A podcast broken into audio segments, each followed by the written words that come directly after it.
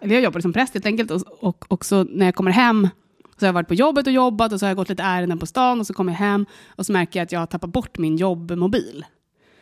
Eh, och det tyckte jag liksom var jobbigt och pinsamt eftersom att det var inte min telefon. Och så här, ah, vad ska chefen säga typ?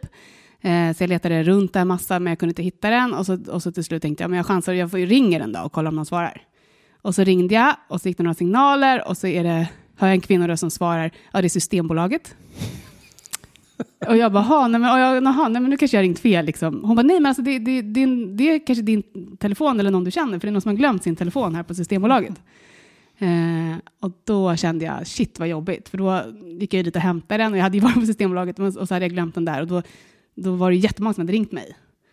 Liksom, och söker en präst och så kommer de till Systembolaget och, och den, mobilen är glömd här liksom. Och då såg jag framför mig, jag har raglat in där, varit alldeles för full, köpt lite mera sprit, glömt mobilen, raglat ut typ. Ja, det tyckte jag var pinsamt. Han har öppnat pärleporten så att jag kan komma in. Genom blodet har han frälst mig och bevarat mig som sin.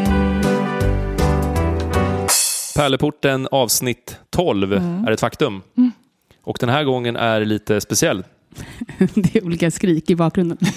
Ja, men exakt. Vi är faktiskt ute on location för första gången sedan vi var på mitt landställe i s- somras.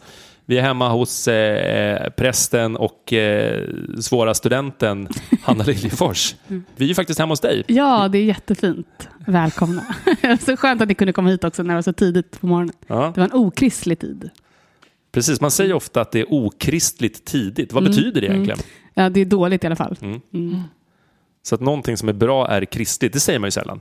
Kristlig tid, ja. Ja, eller precis, att någonting är positivt ur kristlig bemärkelse. Kanske ska börja försöka få in det i vårt vokabulär. Ja, verkligen. Det här var en kristlig tid de hade lagt det här Du, mötet. vilken kristlig present du har köpt åt mig.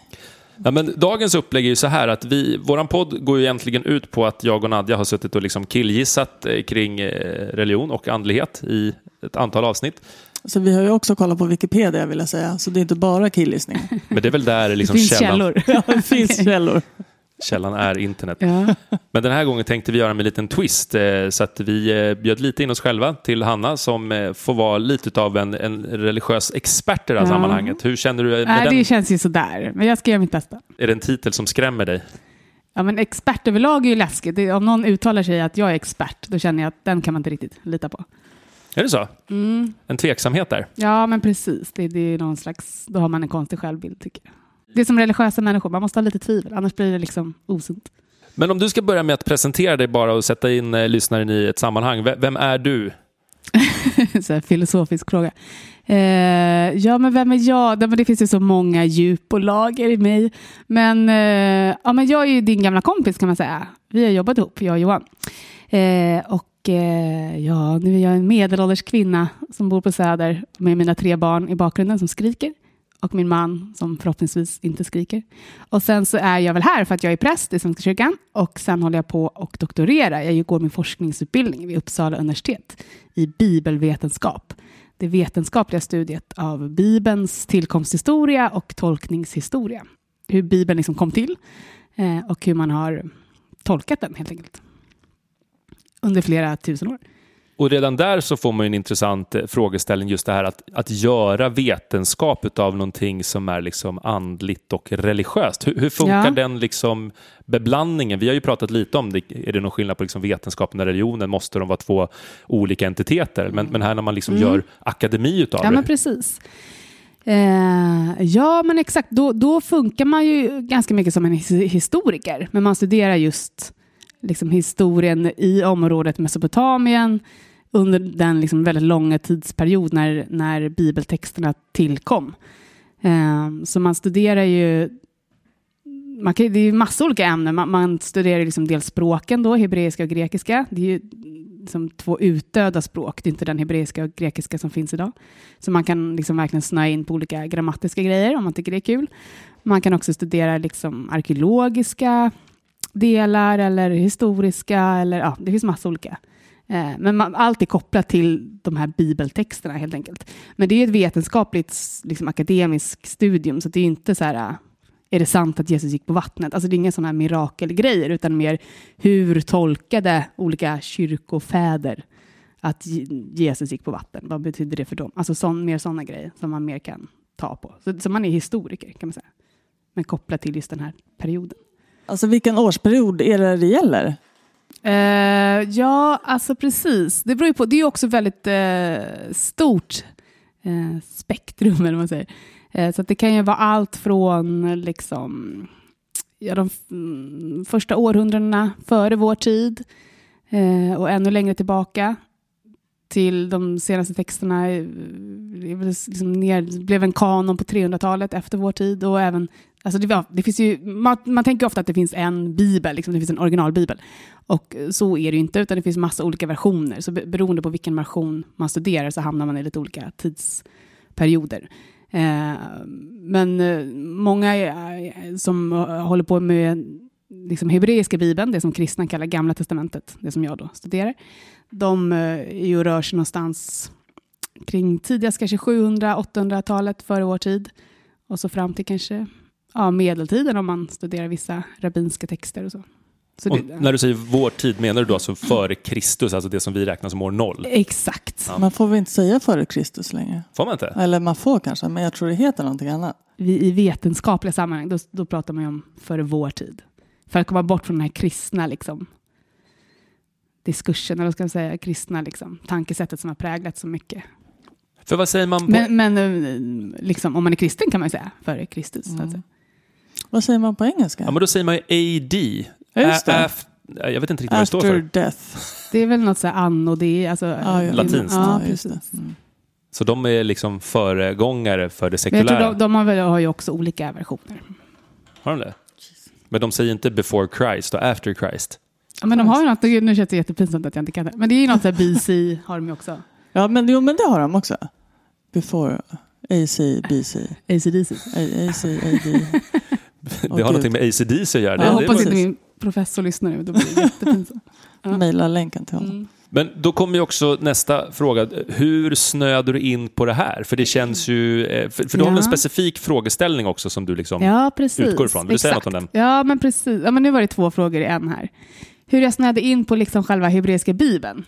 Ja, vi börjar där då. Ja, jo, men det var ju att jag pluggade till präst skulle det visa sig. Och då så tänkte jag, och då måste man välja, när man pluggar till präst måste man välja att antingen fördjupa sig i liksom, eh, Gamla testamentet, hebreiska bibeln och hebreiska, eller Nya testamentet och grekiska, för det är skrivet på grekiska. Och då så tyckte jag att hebreiska bara kändes lite coolare och så tänkte jag att Jesus var ju jude och pratade ju arameiska och tolkade ju liksom eh, texterna ur hebreiska bibeln, så då är det väl bra att kunna det, för det var ju det han kunde. Så tänkte jag, så därför valde jag det. Många som pluggar till präster väljer ju Nya Testamentet, för att det handlar ju om Jesus. Eh, så. Eh, och sen, precis, sen skriver jag om hur, eh, liksom, eh, eh, det är så svårt att jag kan, jag kan ju prata om det här i timmar, så det är svårt att säga så här snabbt. Men eh, hur, hur liksom Gamla Testamentet tolkas och framställs i svensk debatt de senaste 30 åren. Det är ju smalt. Ja, det är, inte, det är verkligen inte supersmart. Eller smart. Det är verkligen inte smalt. Det är inte smalt eller smart, för det har visat sig vara liksom väldigt mycket. Så jag försöker liksom begränsa ännu mer.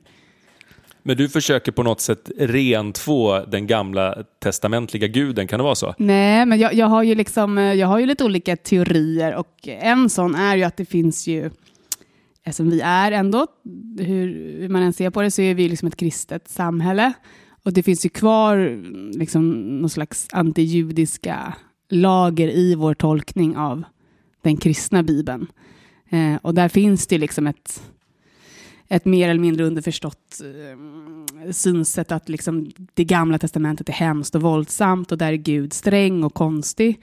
Och i nya testamentet där är allting frid och fröjd och det handlar bara om kärlek och Jesus var den första feministen. Och, och det är ju inte sant. Så det vill jag ju liksom problematisera. Att var, varför säger vi så? Eller varför är det så många som i de här debatterna också ger en sån bild? Och, och varför är det så? Om du ska försöka att inte spoila hela Ja, din, din verkning. Nej, men så alltså, det är väldigt svårt att svara på, men, men, men jag tror att det har att göra med att vi såklart är liksom kristna, i ett, ett kristet samhälle där, där det finns den här eh, liksom antijudiska eh, tendensen på något sätt och traditionen att, att man vill liksom visa att Jesus är så himla härlig och speciell och då måste man ju kontrastera liksom honom mot något annat och då blev det liksom det som vi kallar Gamla Testamentet. Alltså för att Jesus ska vara feminist så måste de som har funnits innan Jesus haft en taskig kvinnosyn. Så därför, därför har vi liksom skapat bilden av att den gammaltestamentliga kvinnosynen är hemsk och den nytestamentliga är fin. Och så, riktigt så enkelt är det inte. Men kan det här ha varit en tidig liksom, kristen strategi för att förklara absolut, att kristendomen absolut, är lite absolut. bättre än judendomen? För att sälja in det bättre Ja, när det begav sig? absolut. Svar ja. Ja, du var väldigt tydlig Ja, där. där kan du få ett, Svar ja. ett snabbt svar. Och vem var superstrategen, marknadsföraren ja, precis. Nej, men det är ju svårare. Det, och det, det, det var ju kanske, och det behöver inte varit medvetet så liksom, ha, nu ska vi samla våra mest ondskefulla kompisar. Så, så behöver det inte varit, utan eh, det, det här var ju liksom en jättelång utvecklingsprocess och, och den här judiska sekten gick ju åt massa olika riktningar och man bråkade med dem och sen bråkade man lite med dem och så. Ja, det, här, det, det var ju inte att vid ett tillfälle så bara spikades det här. Men sen då när du lägger fram din uppsats, eller vad man nu säger, med olika doktorshattar, kommer liksom omvärlden reagera och tänka, men vänta nu, vi har blivit liksom dragna vid näbben? Säger man Nej, men nej. nej, men tvärtom liksom. kalanka människor som är där. Nej, men tvärtom att eh, det här, det här är ju inget nytt som jag har upptäckt, verkligen inte, utan det här har man ju vetat väldigt länge. Jag undersöker ju, det, det nya med min forskning är ju att jag studerar de här eh, liksom, mediala debatterna. Eh, så, så att eh, det här är ju liksom inte någonting nytt, ut, utan, och det är ju ännu konstigare då att, att det här inte riktigt har nått ut. men men eh, så är det. Jag måste bara säga att jag har alltid varit för Gamla Testamentet. Ja, Medan härligt. Johan är lite mer emot känns det Ah, som. okej. Ja. Det känns inte bra eftersom ändå Nej. Johan och jag går way back. Du tar det lite personligt sådär. ja, nästan. Det är ett personligt misslyckande. Ja, men det var ju också som eh, en av våra kollegor, en präst, sa till våra konfirmander en gång sådär, men Gamla Testamentet, vissa delar är ens olämpliga att läsa, de ska ni liksom inte ens bry er om. Så, och det kändes ändå lite frigörande Mm. På något jag sätt. håller verkligen med. Och jag är verkligen inte någon slags försvarsadvokat till Gamla Testamentet. Jo, lite. Nej, verkligen inte. Men, men däremot tycker jag att det, liksom är lite, det är lite orättvist behandlat. Därför att det finns ju jättekonstiga, farliga, ondskefulla texter i Nya Testamentet också. Och de bara kommer undan. Det tycker jag är dåligt. Kan du ge ett exempel på någon ondskefull text? Ja, men det finns ju- Uppenbarelseboken. Ja, men precis. Det är ju verkligen våldsamt. Det finns i, I hebreiska bibeln finns det ju inga, alltså gamla testamentet finns det ju ingen tanke om att Gud ska straffa oss efter döden. I nya testamentet är det verkligen en, eh, en tanke ändå att Gud kommer döma till olika helveten och det, man måste verkligen passa sig. Det, det är ju liksom en ganska hemsk gudsbild som inte alls finns i, i Gamla Testamentet. Eh, det finns ju texter av Paulus till exempel som i alla fall har tolkats genom historien som verkligen fördömande av homosexualitet, av kvinnor, liksom olika, man ska ha sina slavar hit och dit. Alltså det, det, det mesta du kan hitta i Gamla Testamentet kan du hitta i Nya Testamentet. Och även Jesus är ibland ganska våldsam, att liksom, eh, han har kommit med något slags svärd och han har inte kommit med fred utan splittring. Alltså det finns ju verkligen ett våldsspråk där också. Jesus och svärdet, just den berättelsen. Eh, Den ju- läser man inte så ofta. Var, var, var hittar man den någonstans? Ja, men det måste jag kolla upp. Jag kan ju mest hebreiska bibeln, men jag kan kolla upp det. Ja. Mm. Det blir en cliffhanger. Ja. Jesus och svärdet, det låter som en barnbok. Ja. Ja, härlig barn. Mm.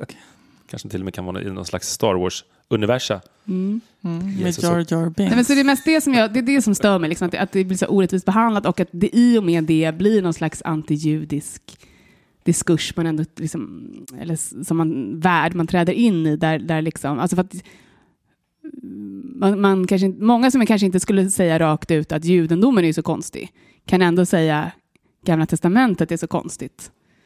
Och, och, och det, det finns ju beröringspunkter mellan de två och i ett samhälle som blir allt mer antisemitiskt så, så är det i grunden en ganska viktig fråga hur vi ser på judisk tro och religion och hur kristendomen har behandlat liksom sina judiska bröder och systrar. Det tycker jag är viktigt. Och då funkar det inte att präster i Svenska kyrkan står söndag efter söndag och predikar om liksom, att Gamla Testamentet är hemskt, men titta på Jesus. Därför att det föder någonting. Mm. Kan du ge något exempel utifrån den forskning som du nu har liksom, eh, hunnit bearbeta när liksom, media på något sätt har presenterat någon helt sjuk bild? Har, har du något sånt liksom, du har kunnat dyka ner i som du kan ge en liten Ja, nugget? precis. Alltså, och det var i media då, det är också, blir också så diffust. Jag studerar ju liksom debattartiklar då, så, att- så att det är ju framförallt olika debattörer. Så det är liksom inte... Ja. Men, jo, men då handlar det ju ja, men till exempel om eh, eh, kvinnosyn. Då finns det ju många debattörer som skriver att eh, mm, liksom Gamla testamentets kvinnosyn är så hemsk och medan Jesus var feminist till exempel. Och det, det känns ju lite taget ur luften. Liksom. Eller, eller som, jag, jag följer en, en debatt som, det är det jag skriver om just nu, om den här pastorn Åke Gren som var på Öland eh, och hade en sån svavelosande predikan mot homosexualitet. Men han var någon form av, eh, Pingstpastor, va? just det, inte Eller Svenska är, kyrkan. han, han lever. Eh, precis, och då, då fick ju han en del kritik då eh, för den här predikan. Och, och då är det ju många som, som kritiserar honom då som menar att ja, men de, de här buden är ju gammaltestamentliga och i gamla testamentet finns ju massa konstiga bud. Man får inte äta skaldjur. Äter du skaldjur, åker gren. Typ. Men, men Jesus var, kom ju ändå med kärleksbudet och det måste ändå gå först. Till exempel. Så, så man gör ju det, man vill ju liksom vara så här, åh, lite omtänksam och gullig liksom. Men, men man, man presenterar ju ändå en bild att, att dels att Gamla Testamentet är, det är helt sjukt, kolla vilka sjuka regler det finns där. Medan, åh, Jesus kom med kärleksbudet, Jesus var så gullig och fin. Och så tänker man inte på att det finns massa konstiga regler i Nya Testamentet. Och och liksom några av de faktiskt texter som Åke Gren lyfter fram främst är ju från Nya Testamentet. Eh, men, men, men Nya Testamentet kommer undan på något sätt, för där har man Jesus. Och så tänker man inte typ på att ja, men kärleksbudet finns ju i Gamla Testamentet. Det var inte något som Jesus kom på själv, utan det fanns ju redan i judisk tradition, eller i liksom, israelitisk tradition. Eh, så det är mer sådana grejer som jag försöker lyfta fram.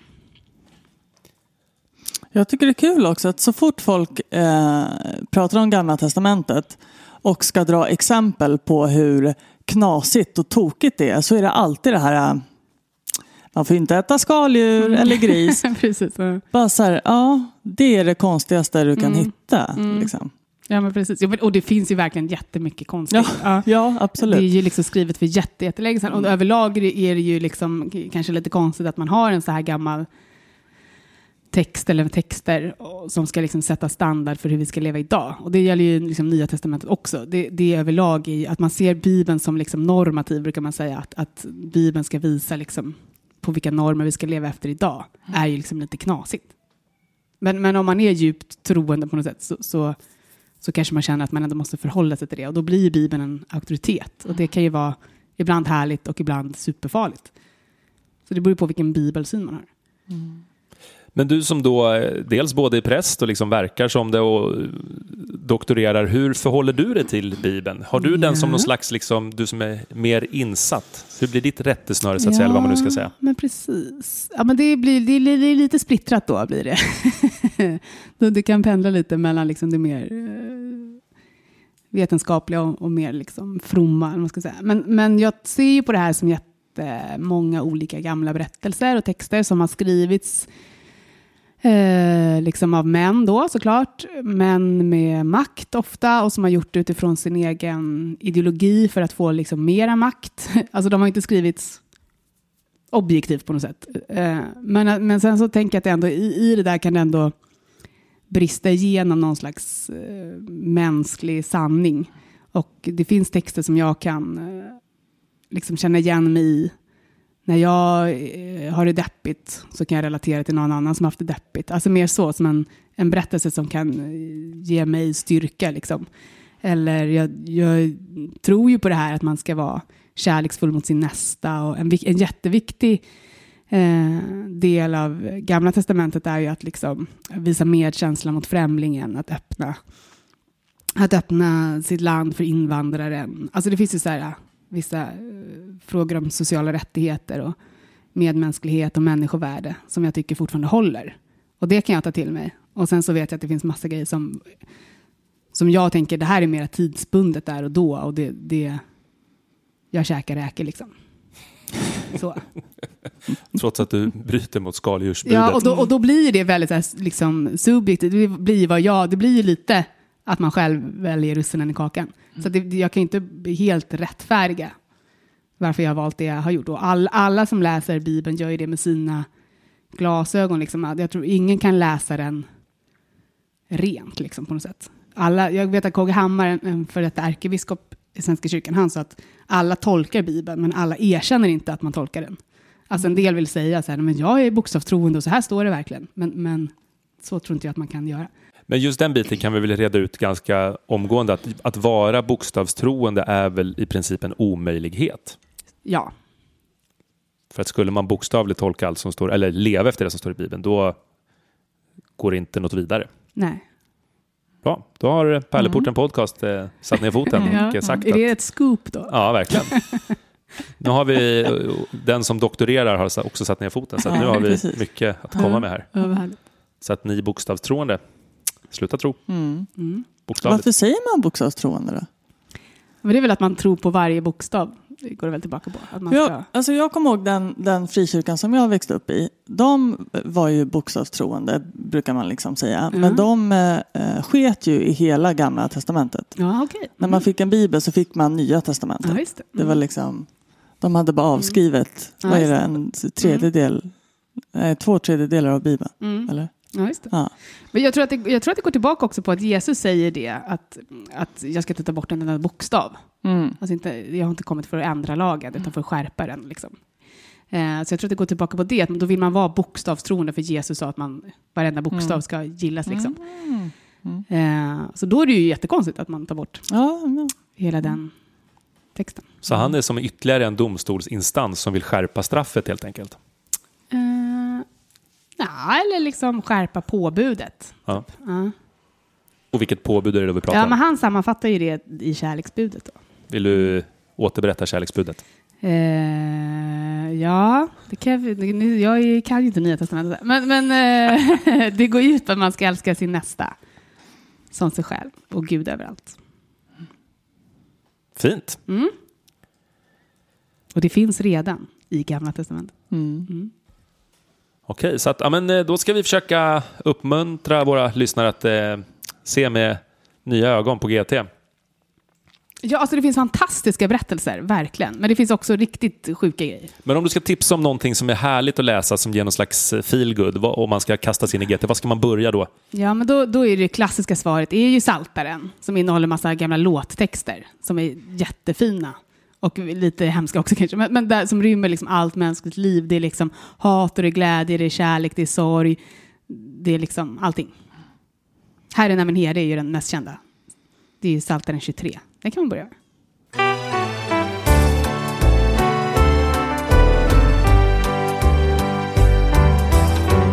Jag har ju eh, som är någon slags här, sociala medier eh, eh, chef över podcasten här Mm. Frågat både på Facebook och på vår Instagram eh, vad folk vill fråga dig. Oj, men gud vad seriöst. Ja. Vem är Gud? ja.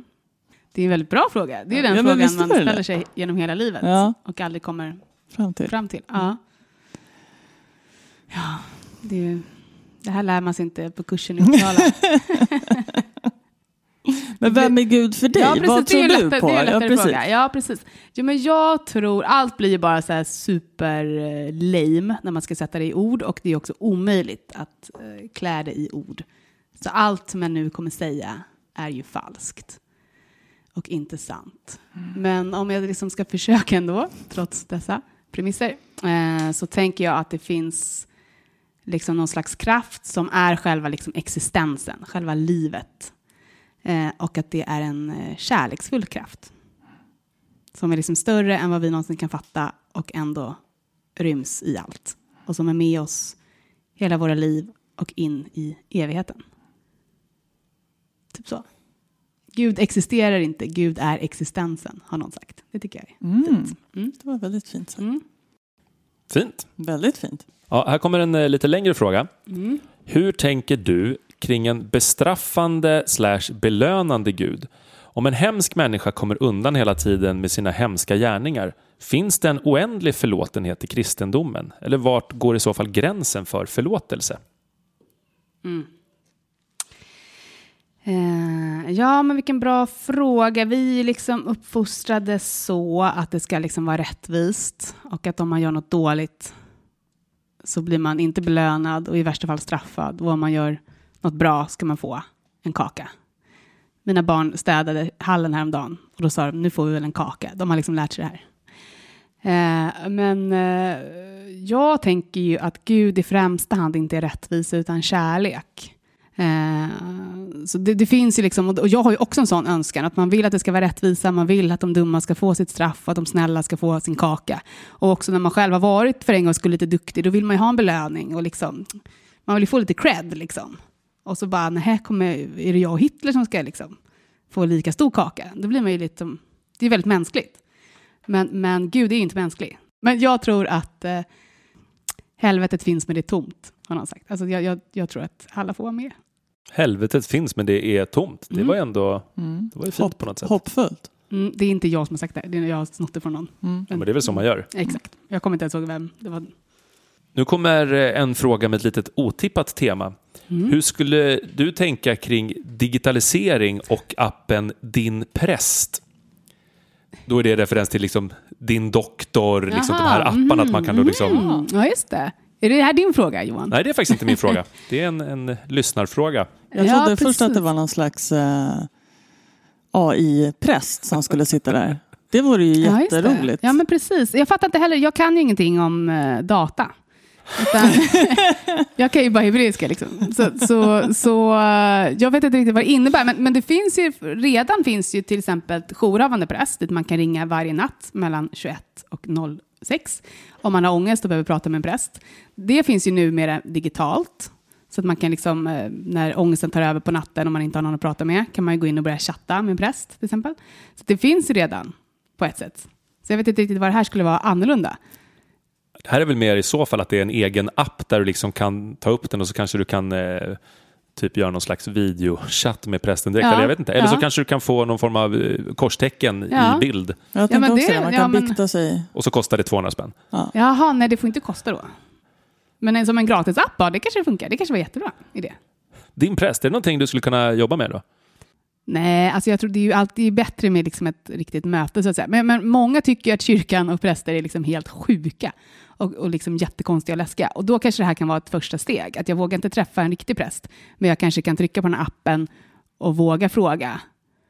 Liksom, kan jag få förlåtelse för det här? Typ. Och då är väl det bra.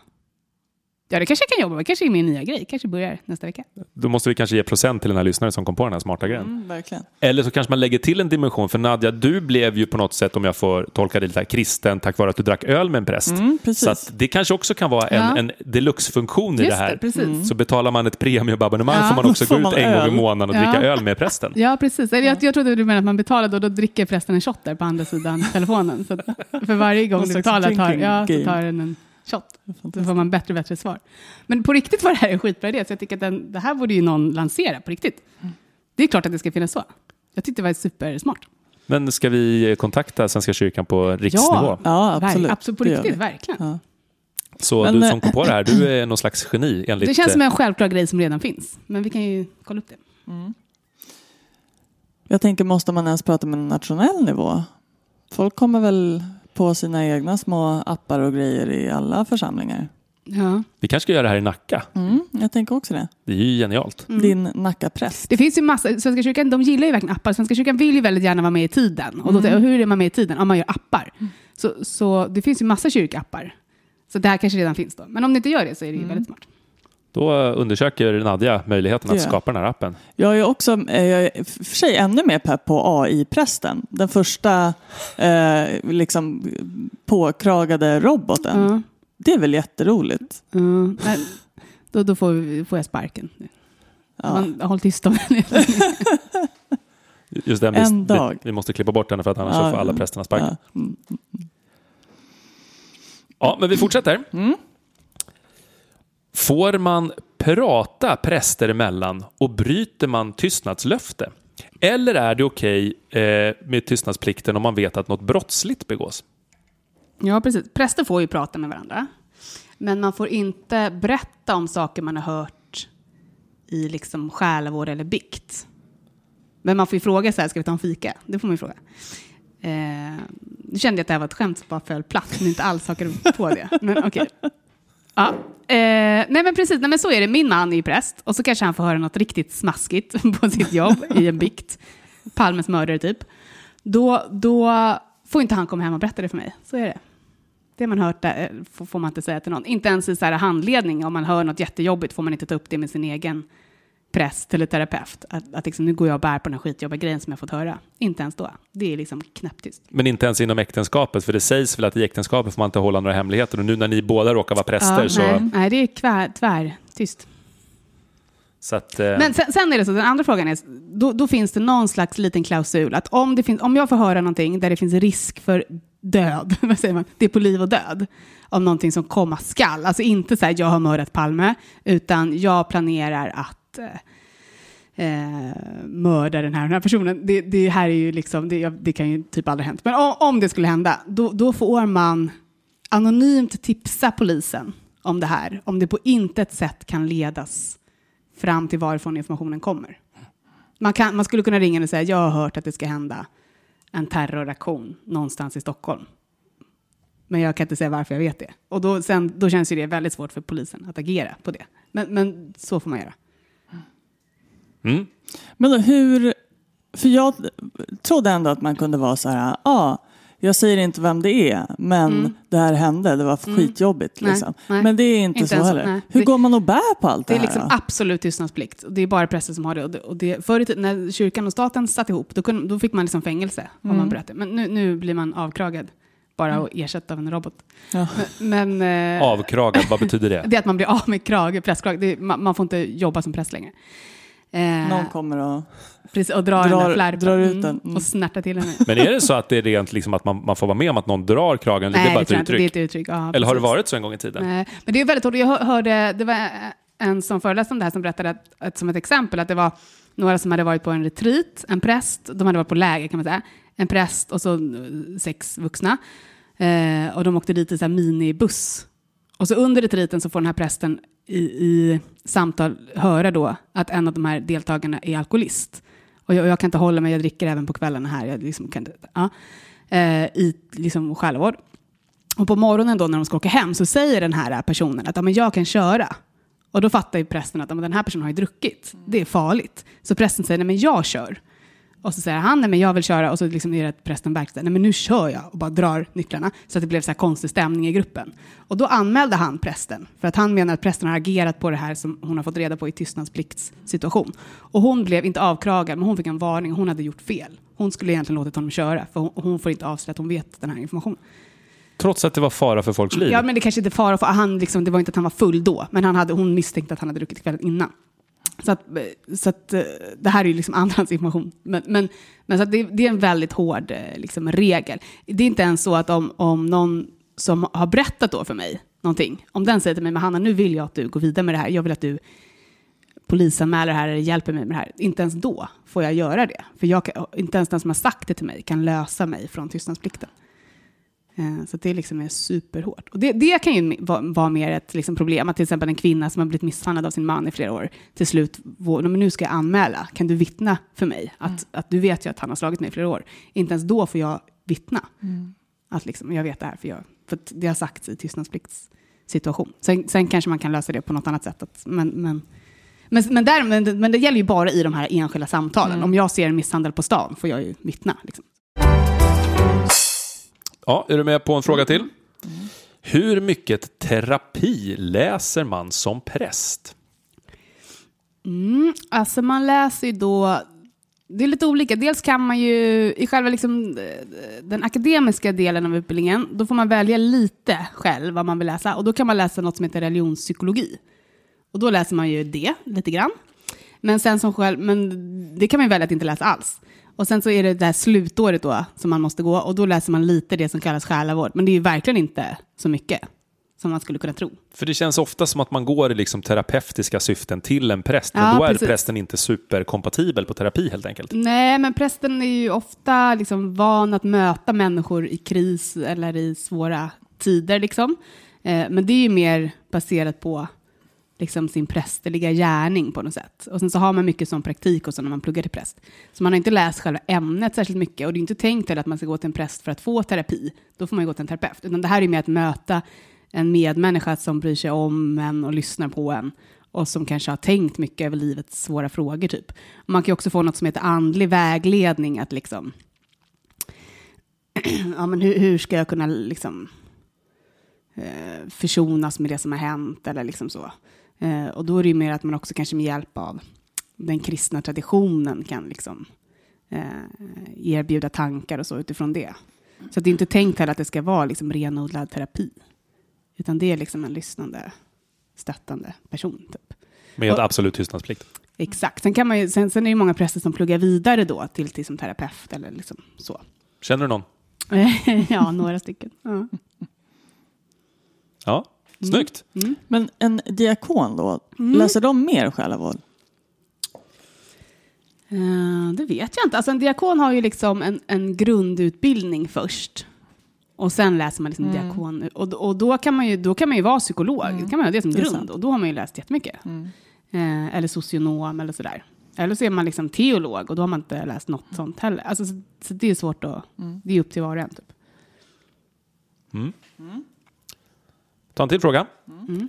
Kan man bli arbetslös som präst? Ja, det är när de här AI-prästerna kommer och tar över. Då, då ser det mörkt ut. Men fram tills dess kan man ju... Nej, då är det ganska svårt. Alltså, det, det är ju prästbrist.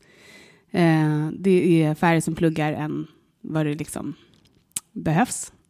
Eh, men, men i och med att kyrkan blir av med mer och mer pengar, folk går ur, då har man inte råd att återanställa heller. Så att liksom framåt kommer det väl bli tuffare och tuffare. Eh, för att liksom, det kommer försvinna prästtjänster. Eh, men, men än så länge är det väl liksom, i, i Stockholm till exempel, där tror jag att det går ganska runt. Det går jämnt ut, alla får jobb, men det är inte jättemycket platsbrist. Förutom i Nacka kanske, har jag hört att ni har ont om präster. Men, men eh, i liksom vissa delar av Sverige är det ju så här panik. De har inte en enda präst. Och där lockar de ju med olika prästgårdar och de betalar en studieskulder och man får liksom tårta varje dag om man kommer dit. Men det är ändå ingen som kommer. Men, men eh, nu vet jag inte exakt hur frågan var formulerad, men arbetslös, det betyder att man kan ändå liksom få sparken som präst, så att säga. Ja, man kan ju bli av med jobbet, absolut. Ja. Ja, precis. Men det är, inte- det är inte att man, om man liksom är en, en ganska duktig präst, så behöver man inte gå runt liksom, på a-kassa i flera år. Utan det, det finns ju jobb att få. Men sen om man inte sköter sig kan man ju verkligen få sparken. Och i, om man liksom bryter mot vigningslöftena då, det man har lovat liksom inför Gud i kyrkan att man ska leva efter, då, då blir man ju avkragad då, det här yttersta straffet som vi pratade om tidigare. Är det på obestämd tid, eller funkar det? Nej, men då kan man an- antingen så, så får man liksom, eh, det finns olika nivåer i helvetet, så att ant, antingen kan man få liksom en varning att nu får du skärpa dig. Och har du inte skärpt dig inom tre år, eller om det har hänt något mer inom tre år, då blir du avkragad. Men om man väl blir liksom avkragad, då, då, är det, då är spelet över.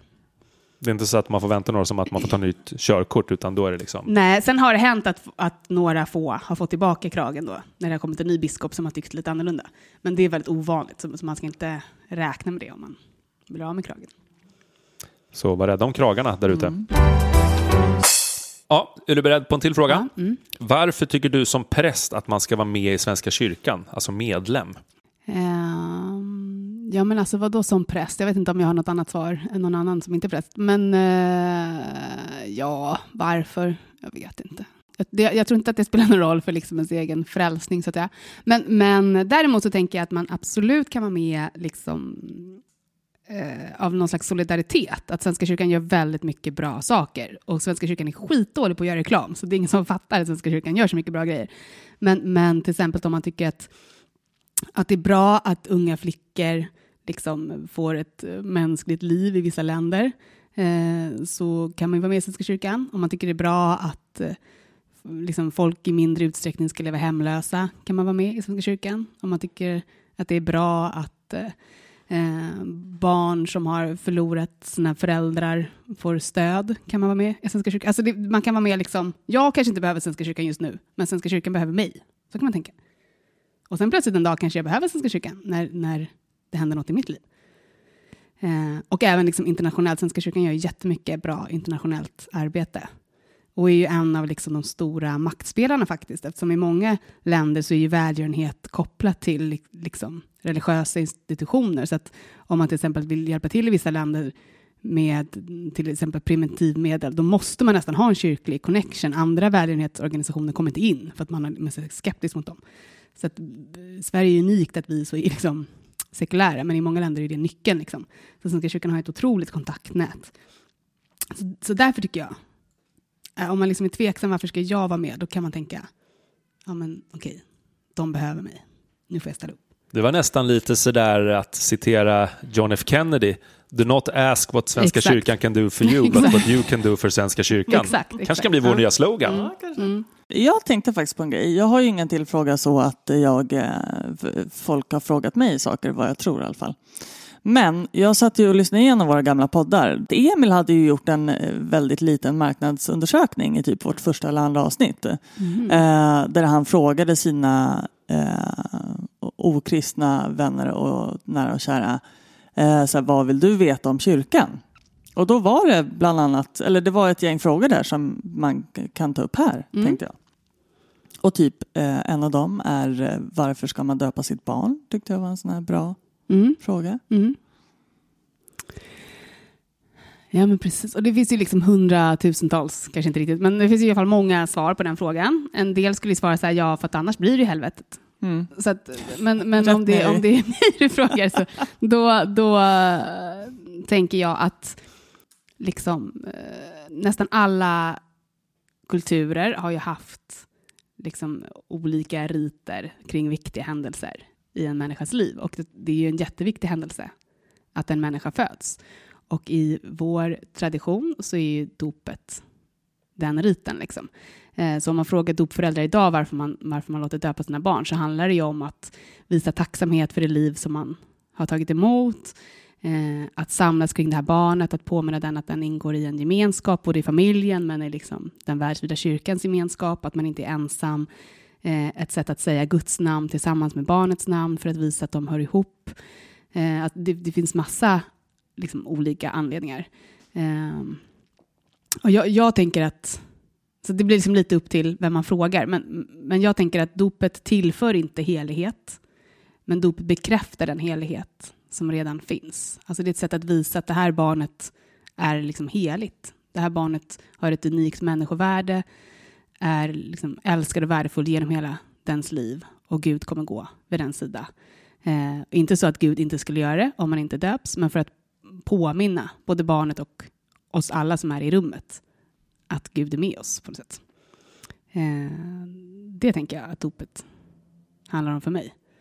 Det är ju väldigt långt om man ska vara liksom en bibelvetare. Eh, så är det väldigt långt från, från det dop som Jesus eh, döptes med, som Johannes döparen eh, praktiserade. Men eh, så är det ju. Saker har förändrats. Mm. Mm. Något mer på den? Eh, ja, men det fanns, han pratade lite om andra saker också. Varför ska man viga sig? Och, eh,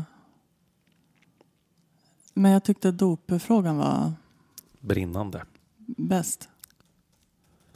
Men vi, ja, viga, varför ska man viga sig i kyrkan är ju också en annan fråga. Mm.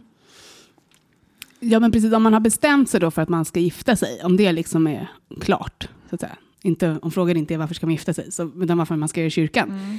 Eh, ja, men det är väl om man vill ha liksom ytterligare en dimension på något sätt. Att det här är inte bara något som, som vi lovar varandra liksom juridiskt så, utan det här är något som vi gör i, inför Gud på något sätt. Och vår prästen och de som är här kommer be för oss, för vårt äktenskap. Om man tycker att det tillför någonting, att det är fint. Liksom.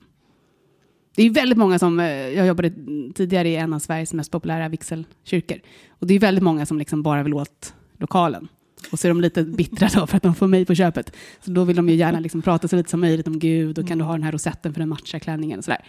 Uh, och då tänker jag att då kanske man lika gärna kan gifta sig någon annanstans. Har du fått sådana på riktigt förfrågningar ja, att ha vissa kläder? Absolut, ja, inte vissa kläder men liksom så här, någon matchande liten... Accessoar? Exakt. Mm. Vad sa du då? då? Uh, nej, var det så att du svor åt dem? Eller att Nej. du liksom... Nej. Däremot har jag som en liten liksom, det är liksom, eh, Faraos hämnd, eller heter det där eh, magsjukdomen man kan få i Egypten. Så då jag har lite Faraos hämnd, eller Hannas hämnd, att ju mer man säger så här, prata inte om Gud, desto mer pratar jag om Gud. Bara som, Re- en, Respect my authority. typ. som ett ret. Ja, det är bra. kan de ha. Fast de brukar tycka att det, det brukar bli bra. Ja. Ja, men vi kanske ska runda av där. Känner vi att vi har fått med det mesta? Ja, jag tror, jag det, tror alla frågorna. Ja. Lite GT-smaskens. Sen Anna, kanske vi kommer återkomma till dig om eh, vi får ytterligare här avancerade frågeställningar som vi inte precis. vågar killgissa oss till svaren på. Ja. Mm. Du, Absolut. och du får gärna också säga till ifall vi killgissar fel på fler ja, saker. ja. Men det förutsätter också att du måste lyssna på ja podden. exakt. Exakt. exakt. Ja, det. Det, det, Ja, Nadja, om man vill nå oss på något sätt, var hittar man oss? Nej, men eh, vi eh, bara vidgar våra vyer här. Vi har en gmail-adress. parleportenpodcast.gmail.com eh, Sen har vi en Facebook-sida. Eh, Parleporten podcast med ä faktiskt. Och så har vi en Instagram, eh, Parleporten podcast. Och där får man också följa olika vardagssituationer som, som, där du gör saker. Ja, förhoppningsvis. Ja. Och snart har ni en app kanske? Just Kanske. Det. Din ja, präst. I prästen. Mm, din pärleport. Ja. I etern. Vi söker vidare. Hanna Liljefors, stort tack att vi fick komma hem och podda här Jättetack. tillsammans med din familj som vi kanske har hört lite i bakgrunden. Supertack. Ja, tack för att ni kom. Ja, men eh, hej på det! Hej på det! Chip.